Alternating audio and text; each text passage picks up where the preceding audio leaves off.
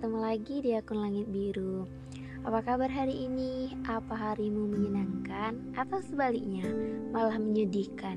Atau ada hal-hal kejadian-kejadian yang tak terduga olehmu? Oke, jadi tadi tuh aku bingung konsep aku buat podcast ini kali ini apa ya? Terus aku menemukan inspirasi dari seseorang yang dekat denganku. Katanya dia sedang rindu. Nah, Yuk bahas rindu. Jujur saja, pasti semuanya pernah merasakan rindu. Entah rindu dengan orang tua, dengan sahabat, dengan teman, ataupun dengan yang lainnya. Gimana sih ngungkapin rasa rindu itu? Aku kadang juga suka bingung, gak bisa gitu ya, langsung to the point gitu aku rindu nih atau kangen nih atau I miss you kata-kata singkat itu. Tapi sulit banget diucapin kayaknya. Aneh gitu ya. Karena kadang seseorang yang dirindukan itu yang mungkin udah pergi dan takkan kembali atau seseorang dari masa lalu atau juga seseorang yang sedang di hadapan kita. Tapi nggak tergapai dia aja nggak kegapai gimana mau bilang rindu gitu? Susah kan? Jadi kadang juga cuma bisa dipendam dalam hati nggak bisa diungkapin. Karena ternyata semuanya itu nggak harus diungkapin. Bisa aja kok lewat doa.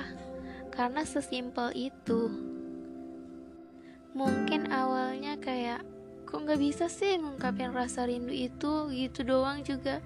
Tapi setelah itu aku sadar nggak semuanya itu bisa langsung. Nggak semuanya itu bisa dimengerti. Nggak semuanya itu harus begitu. Kalian gini juga nggak sih ke orang yang nggak kegapai itu?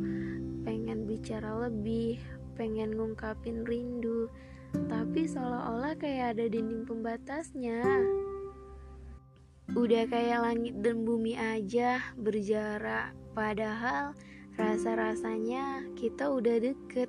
Tapi ternyata aku yang ngerasa udah deket, kamunya enggak. Masih ada jarak ternyata, masih ada yang jauh lebih deket sama kamu. Masih ada yang kamu lebih prioritasin. Jadi ngerasa kayak ya udah. Kan akhirnya nggak bisa ngucapin rindu. Padahal sesingkat itu gitu. Jadi akhirnya kadang kayak ya udah deh. Ujung-ujungnya dipendem juga.